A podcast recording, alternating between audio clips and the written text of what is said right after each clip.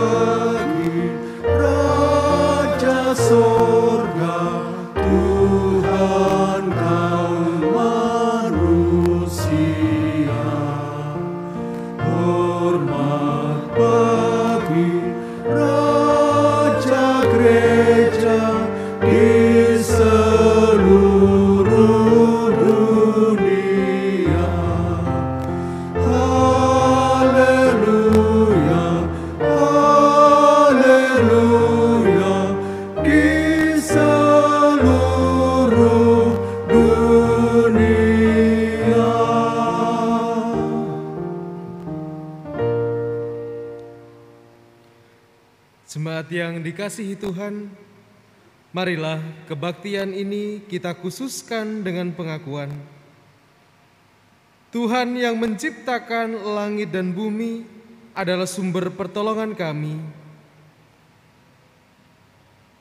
Kasih karunia dan damai sejahtera dari Allah Bapa kita dan Tuhan Yesus Kristus ada pada saudara sekalian.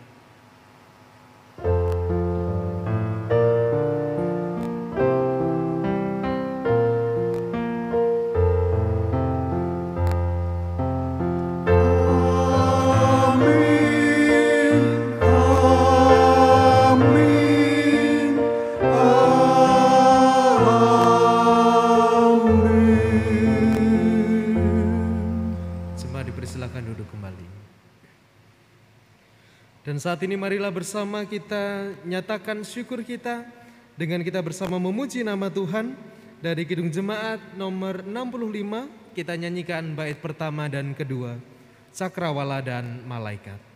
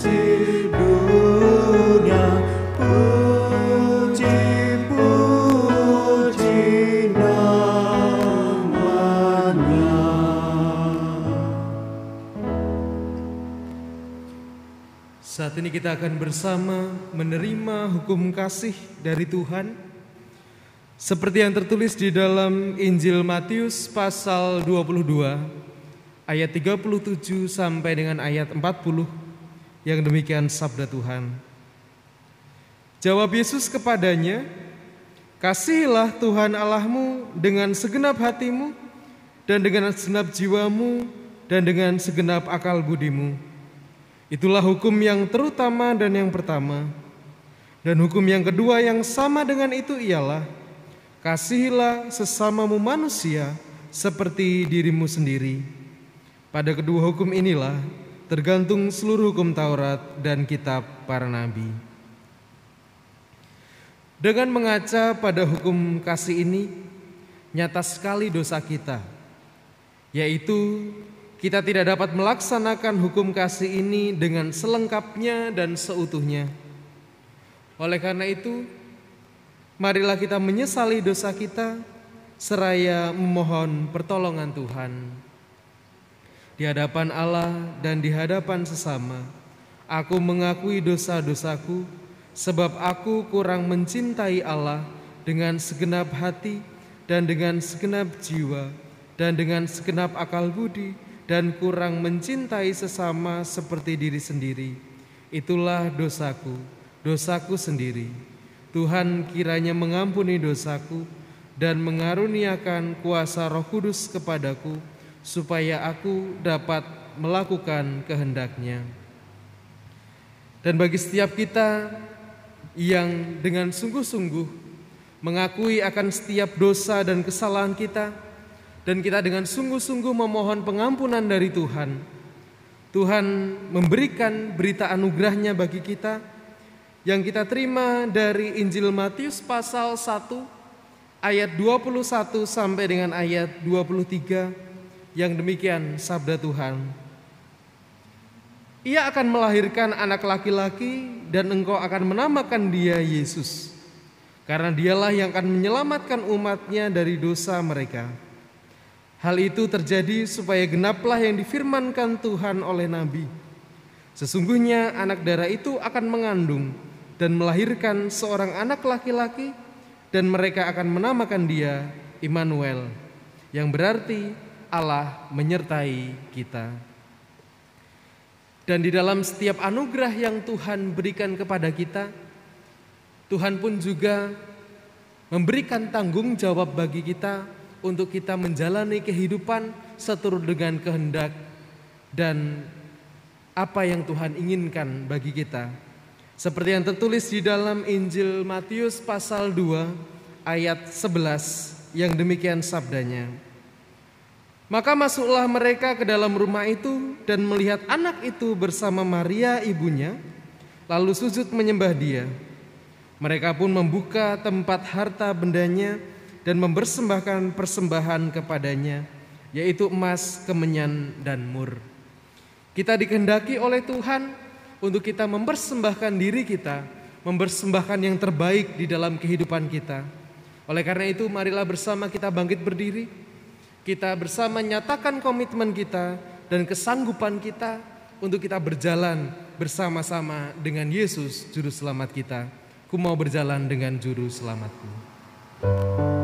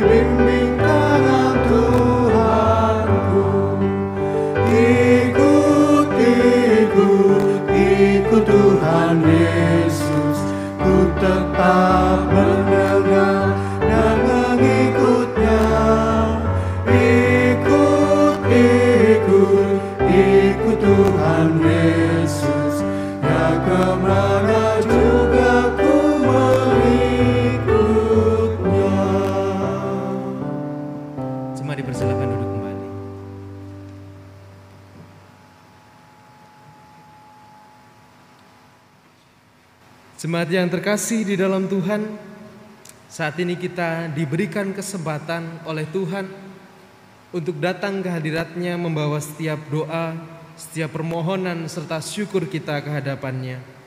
Oleh karena itu marilah bersama kita masuk di dalam doa syukur dan syafaat kita. Mari kita berdoa.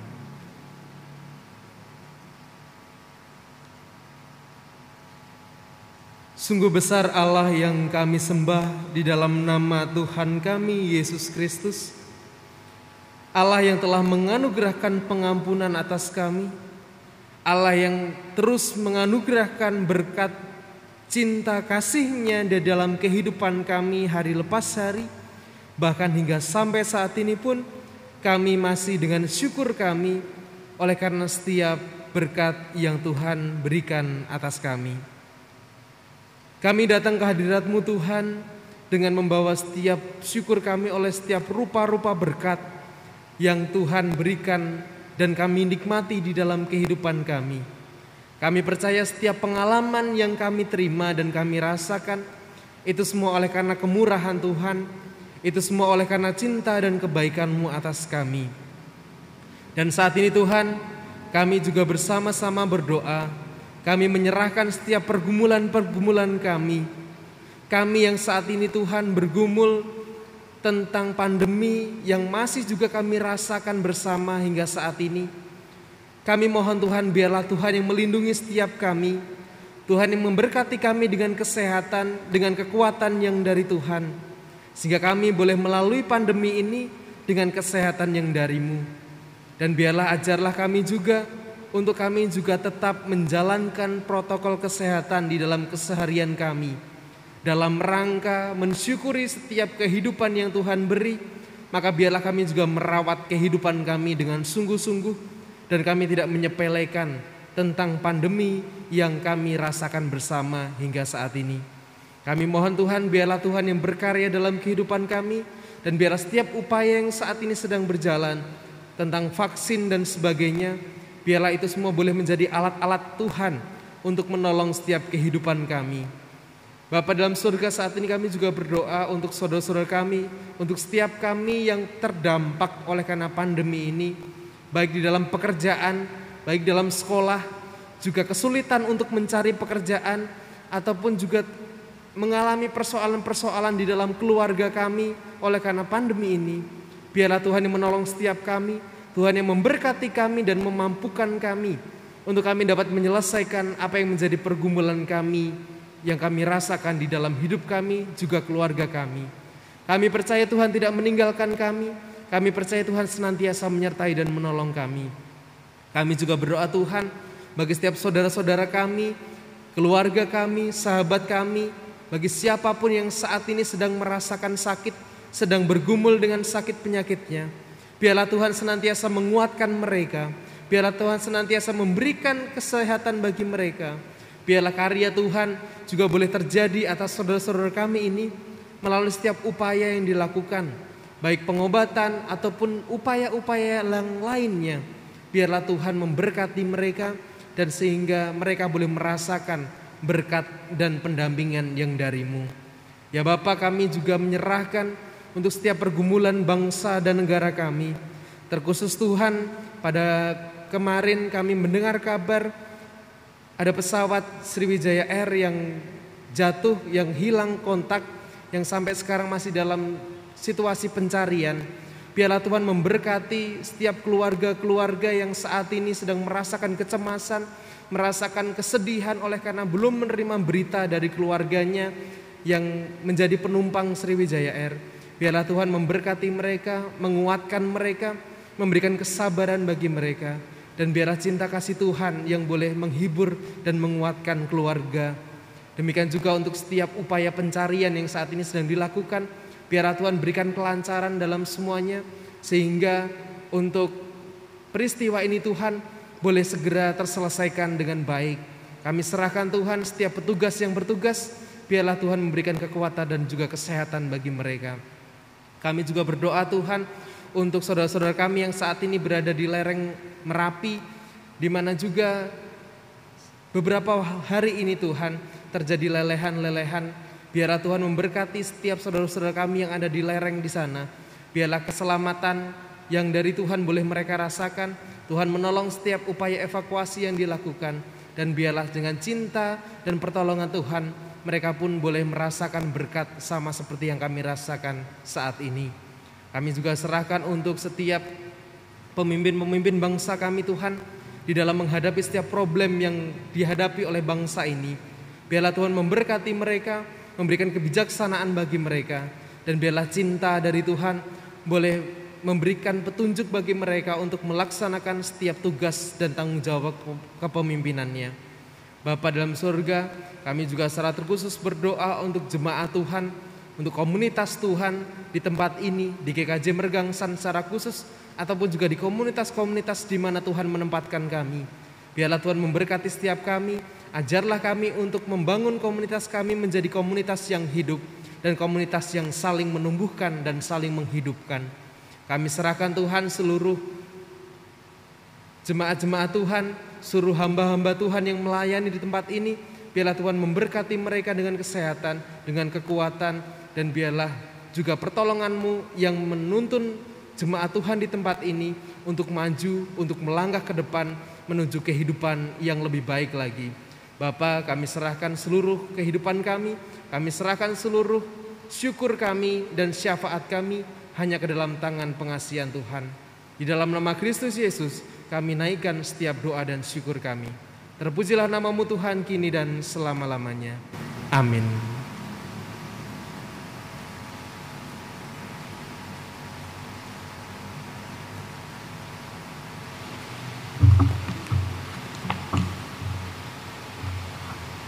Bacaan pertama minggu malam hari ini diambil dari kejadian bab 1 ayat 1 sampai 5.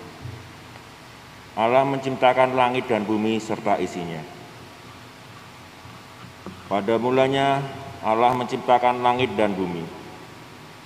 Bumi belum berbentuk dan kosong.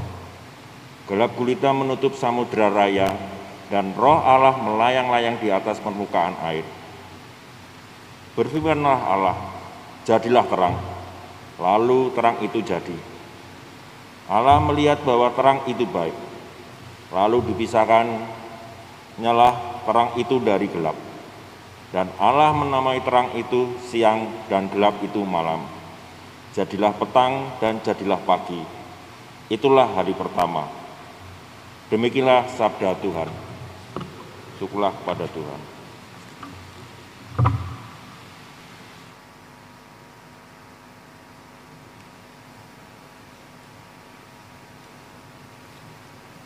Dan bersama kita akan membaca Injil yang tertulis di dalam Injil Markus pasal 1 ayat 4 sampai dengan ayat 11. Injil Markus pasal 1 ayat 4 sampai dengan ayat 11 yang demikian sabda Tuhan. Demikianlah Yohanes Pembaptis tampil di padang gurun dan menyerukan, Bertobatlah dan berilah dirimu dibaptis dan Allah akan mengampuni dosamu. Lalu datanglah kepadanya orang-orang dari seluruh daerah Yudea dan semua penduduk Yerusalem dan sambil mengaku dosanya mereka dibaptis di sungai Yordan. Yohanes memakai jubah bulu unta dan ikat pinggang kulit dan makanannya belalang dan madu hutan.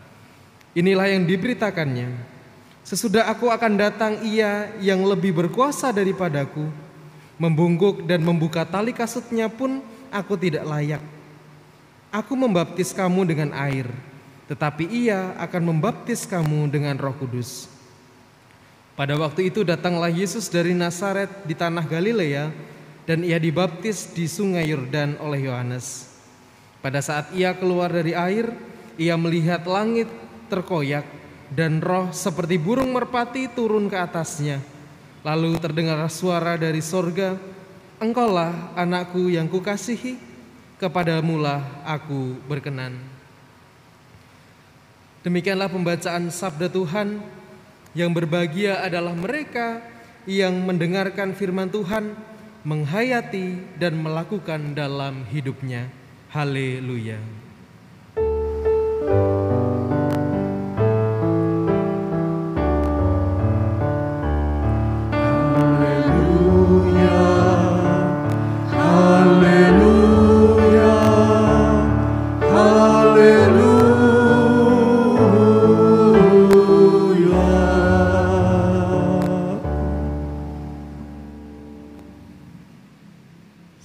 Selamat sore Bapak Ibu dan saudara-saudari sekalian. Dan sebelumnya izinkan saya mengucapkan selamat Natal dan selamat tahun baru untuk panjenengan semuanya. Bagaimana rasanya menapaki tahun yang baru? Kita sudah sampai di hari yang ke-10 gitu ya. Menyenangkan? Atau masih sama saja? Atau malah tambah tidak menyenangkan gitu. Mungkin selama 10 hari ini kita sudah mengalami banyak pengalaman. Dan satu tahun ke depan kita akan semakin lebih banyak lagi mengalami berbagai pengalaman. Nah, jemaat yang dikasihi Tuhan, minggu ini merupakan minggu atau dirayakan sebagai minggu pembaptisan Yesus. Pembaptisan menjadi satu hal yang penting sekaligus menarik untuk kita pelajari bersama atau kita renungkan bersama. Kita tahu bahwa setiap orang Kristen yang ia akan dinyatakan Kristen, ia akan dinyatakan sah menjadi warga gereja kalau dia sudah dibaptis. Ada di sini dari Bapak Ibu Saudara-saudari yang belum dibaptis? Sudah semua J? Sudah. Wah saya itu malah sudah puluhan tahun yang lalu dibaptis. Nah, mungkin begitu. Baptisan memiliki makna yang penting di dalam kehidupan orang Kristen. Bukan hanya untuk mengesahkan kita sebagai warga gereja yang sah. Tetapi baptisan ternyata mengandung makna yang lain. Makna apakah itu?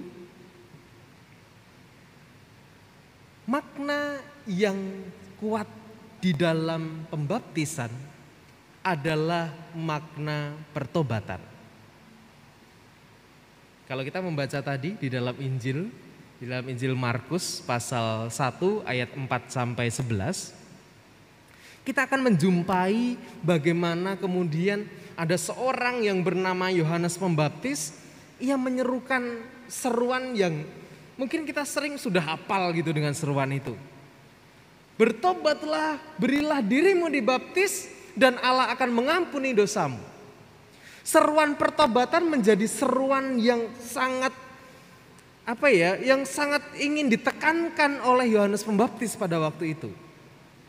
Pertanyaannya, memang kenapa?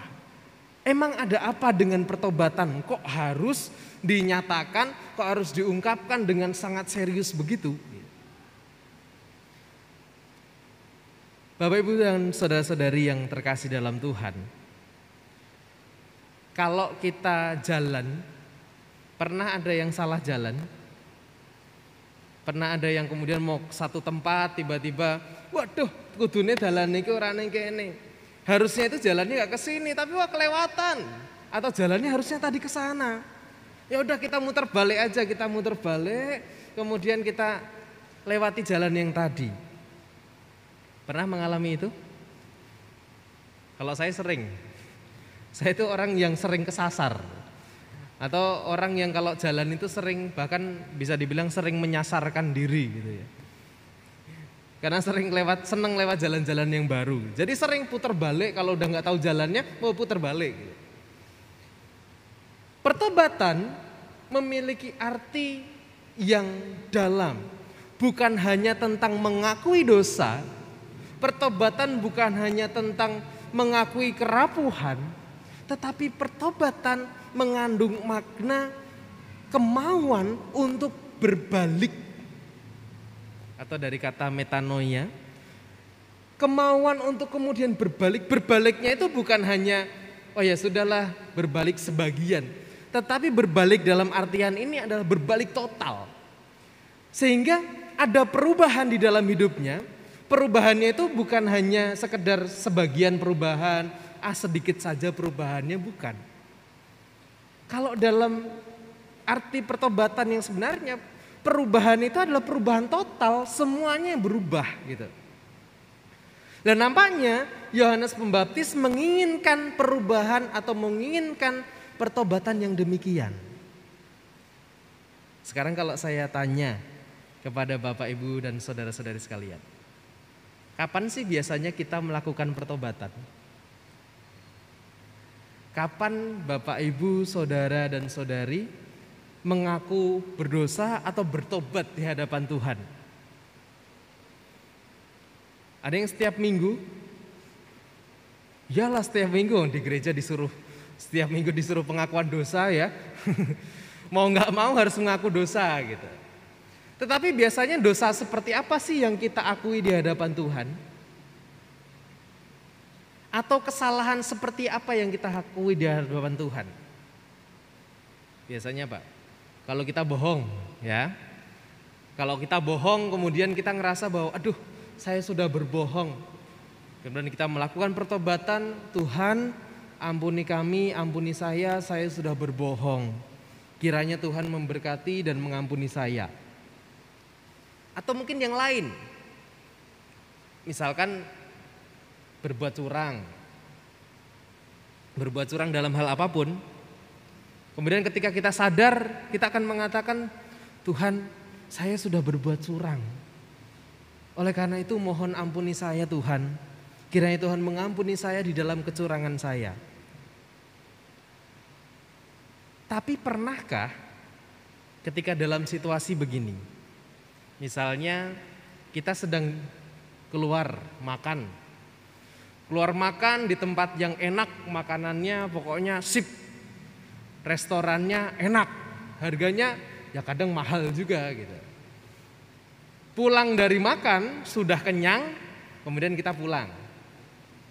Pulang, eh di pinggir jalan kita ngeliat ada orang yang ngorek-ngorek sampah untuk dapat makanan. Melihat situasi itu, ketika kita di dalam posisi orang yang habis makan, apakah kita pernah melakukan pertobatan dalam hal itu atau dalam situasi itu? Adakah yang kita kemudian merasa bahwa Tuhan, saya berdosa, tolong ampuni saya di dalam situasi begitu? Yang bertanya justru, lah ngapain saya harus bertobat? Orang saya juga gak menyakiti orang itu kok.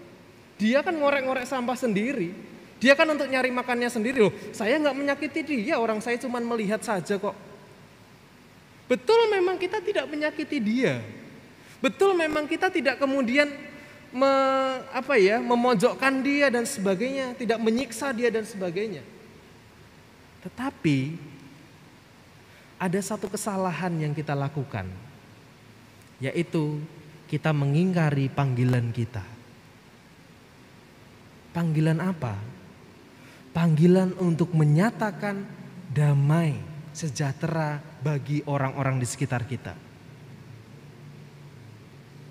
Kita sudah tahu hakikat ketika kita dibaptis, hakikat kita sebagai orang Kristen adalah kita harus menyatakan damai sejahtera kepada semua orang. Sepakat, Je?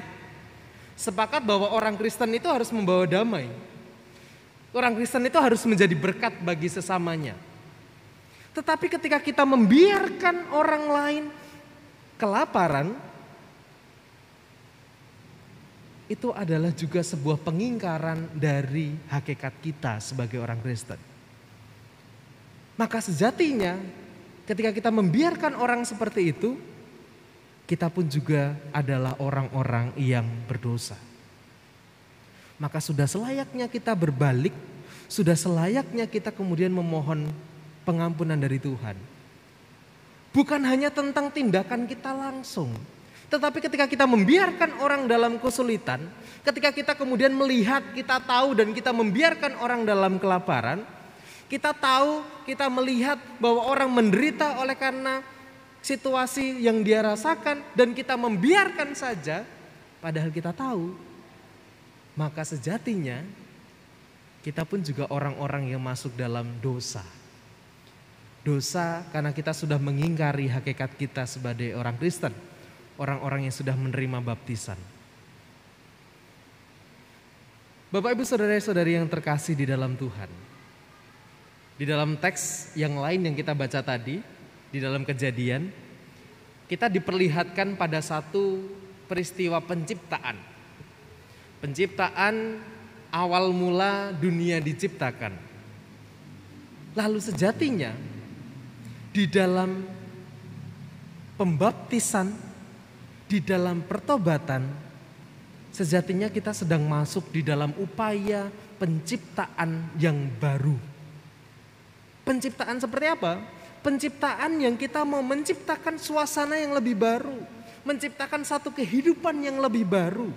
Kehidupan baru seperti apa? Kehidupan yang penuh dengan damai, kehidupan yang penuh dengan sukacita, dan kehidupan yang penuh dengan kepedulian. Itulah dunia baru yang mau kita tuju. Itulah penciptaan baru yang mau kita lakukan bersama. Dan dengan pertobatan, berarti kita sudah meninggalkan cara hidup kita yang lama, kita sudah meninggalkan keegoisan kita, kita sudah meninggalkan cara berpikir kita yang hanya mementingkan diri kita sendiri dan kemudian kita beralih pada cara hidup yang baru. Cara hidup yang bukan hanya berpikir tentang hidup saya, tetapi berpikir tentang hidup kita bersama. Maka itu sejatinya adalah pertobatan yang sesungguhnya. Lalu pertanyaan siapa kita masuk di dalam pertobatan yang seperti itu? Siapa kemudian kita masuk di dalam upaya untuk menciptakan kehidupan yang baru? Kehidupan yang tidak hanya berpikir tentang saya, tetapi berpikir tentang kita. Siapa kita untuk melakukan itu? Memang tidak mudah. Pasti kemudian mikirnya adalah, oh papa hidup saya sudah susah. Hidup saya sendiri itu udah susah, ngapain saya harus mikirin kehidupan orang lain lagi. Itu kan bikin hidup saya tambah susah. Sudah hidupnya repot, ditambah lagi harus mikir orang lain, ya biarlah orang lain mikirin orang lain lagi. Kalau dalam situasi begitu, dalam situasi yang berat begitu, ya kami nggak bisa. Tapi kita lupa satu hal,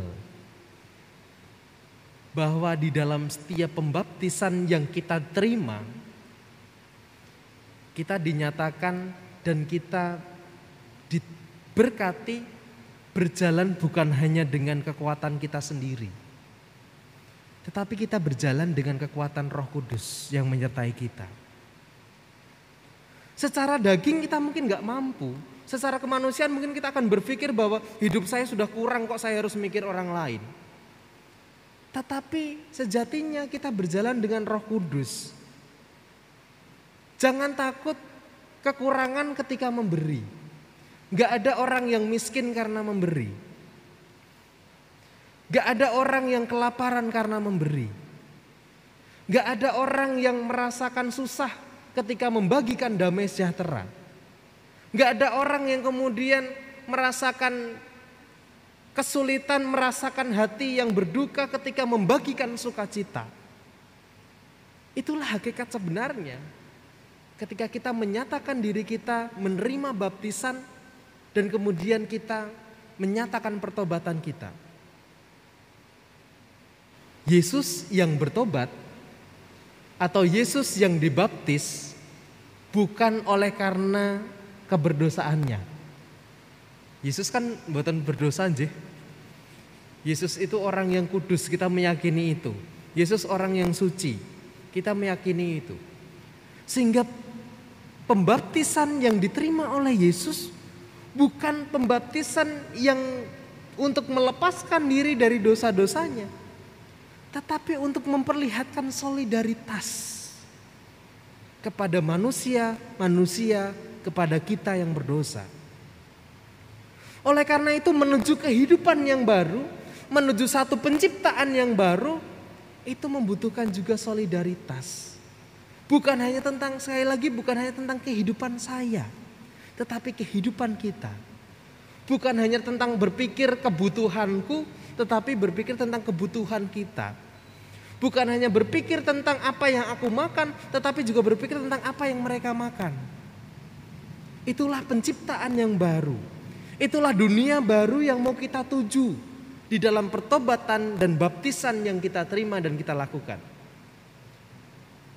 Sehingga pertobatan bukan hanya tentang dosa kita pribadi yang kita bersalah secara pribadi. Tetapi pertobatan juga adalah perbuatan berbalik dari ketidakpedulian kita menuju pada solidaritas kita kepada sesama. Oleh karena itu, selamat menikmati baptisan, selamat memaknai pertobatan, dan marilah bersama kita menuju satu penciptaan yang baru, kita menuju satu kehidupan yang baru dengan solidaritas seperti yang telah Yesus nyatakan dalam kehidupan kita. Amin.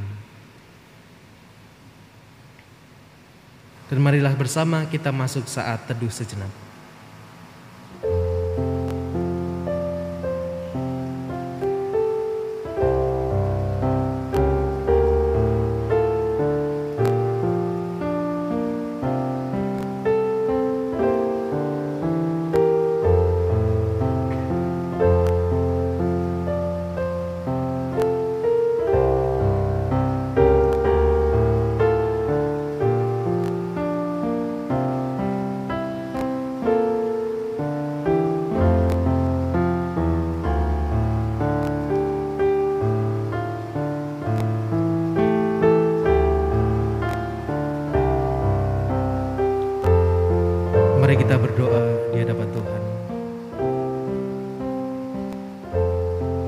Kami bersyukur Tuhan, kami boleh Engkau ingatkan, kami boleh Engkau sadarkan akan arti baptisan yang telah kami terima, akan arti pertobatan yang seharusnya kami lakukan. Seringkali kami masih berpikir tentang diri kami, kami masih hanya berpikir tentang kebutuhan kami. Kami berpikir tentang hanya apa yang kami makan. Tetapi Tuhan memberitakan satu hal yang baru dalam hidup kami. Untuk kami bertobat, untuk kami berbalik kepada solidaritas terhadap sesama kami.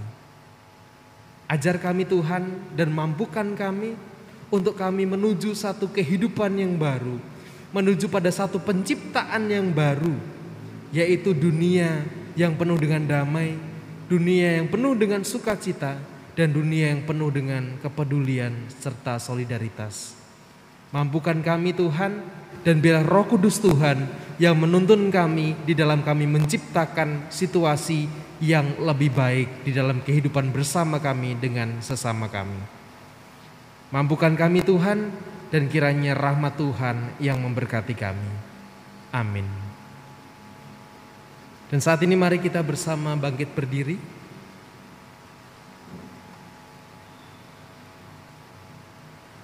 Bersama dengan orang percaya di segala tempat dan masa, mari kita bersama memperbaharui iman kita dengan mengikrarkan pengakuan iman rasuli yang demikian.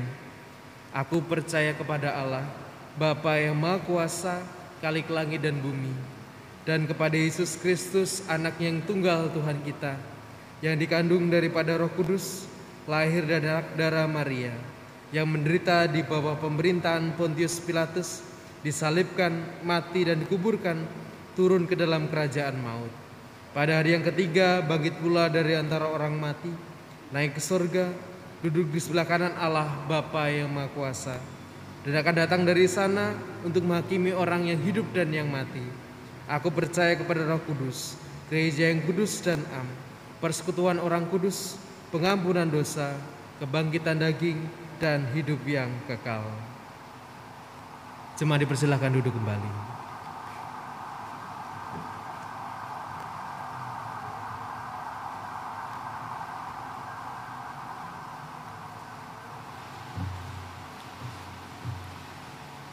Jemaat sekalian, kiranya persembahan yang kita berikan di awal ibadah tadi dan yang akan kita berikan setelah ibadah selesai adalah ungkapan rasa syukur kita dan merupakan tanggapan kita terhadap firman Tuhan yang kita baca dari 1 Tesalonika 5 ayat yang ke-18. Mengucap syukurlah dalam segala hal, sebab Itulah yang dikehendaki Allah di dalam Kristus Yesus bagi kamu. Marilah kita menyanyikan lagu Kidung Jemaat dari 367 bait yang pertama dan secukupnya.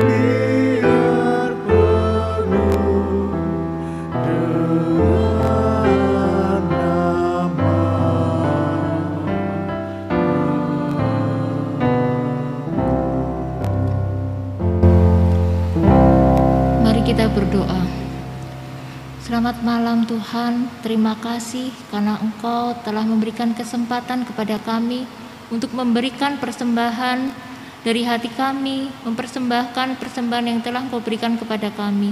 Biarlah persembahan yang Engkau berikan kepada kami ini menjadi bermanfaat bagi keluhuran namamu Tuhan dan bagi sesama kami. Tuhan Yesus kami juga boleh berdoa, kami boleh bersyukur karena kami telah mendengarkan firman-Mu yang telah disampaikan oleh Bapak Pendeta arti tulus. Biarlah firman yang kau berikan kepada kami menjadi pegangan hidup kami untuk kami melangkah ke depan. Tuhan Yesus, terima kasih Engkau juga mengingatkan kami untuk tetap setia, untuk tetap berpegang teguh menerima tanda baptisan untuk mengasihi sesama kami sehingga kami tidak peduli terhadap diri kami sendiri. Sebentar lagi kami akan undur dari tempat ibadah ini Tuhan. Kau sertai, Kau berkati di dalam perjalanan kami. Biarlah kami menerima damai sejahtera-Mu yang berasal dari Engkau saja. Dan kami boleh berkumpul kembali bersama keluarga kami yang kami kasihi. Di dalam nama Tuhan Yesus kami sudah berdoa yang Engkau ajarkan kepada kami doa Bapa kami. Bapa kami yang ada di surga, dikuduskanlah namamu, datanglah kerajaanmu, Jadikanlah kehendakmu di bumi seperti di surga. Berikanlah kami pada hari ini makanan kami yang secukupnya. Dan ampunilah kami akan kesalahan kami. Seperti kami juga mengampuni orang yang bersalah kepada kami. Dan janganlah membawa kami ke dalam pencobaan. Tetapi lepaskanlah kami daripada yang jahat. Karena engkaulah yang mempunyai kerajaan dan kuasa dan kemuliaan sampai selama-lamanya. Amin.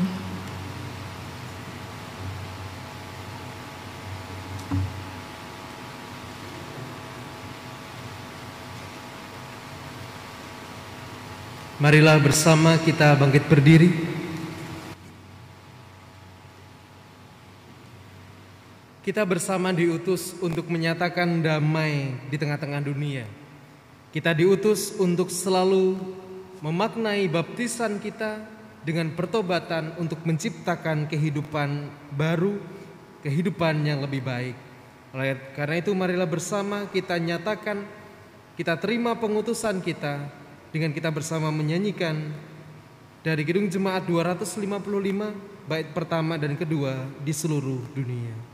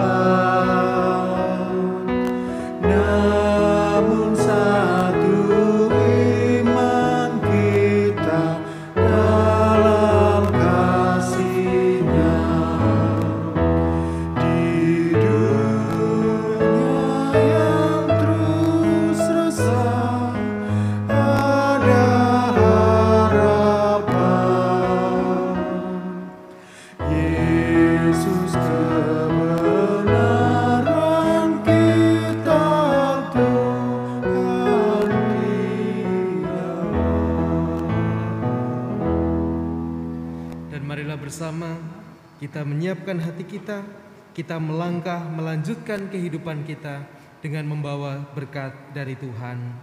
Terimalah berkat darinya. Tuhan memberkati saudara dan melindungi saudara. Tuhan menyinari saudara dengan wajahnya dan memberi saudara kasih karunia. Tuhan menghadapkan wajahnya kepada saudara dan memberi saudara damai sejahtera. Amin.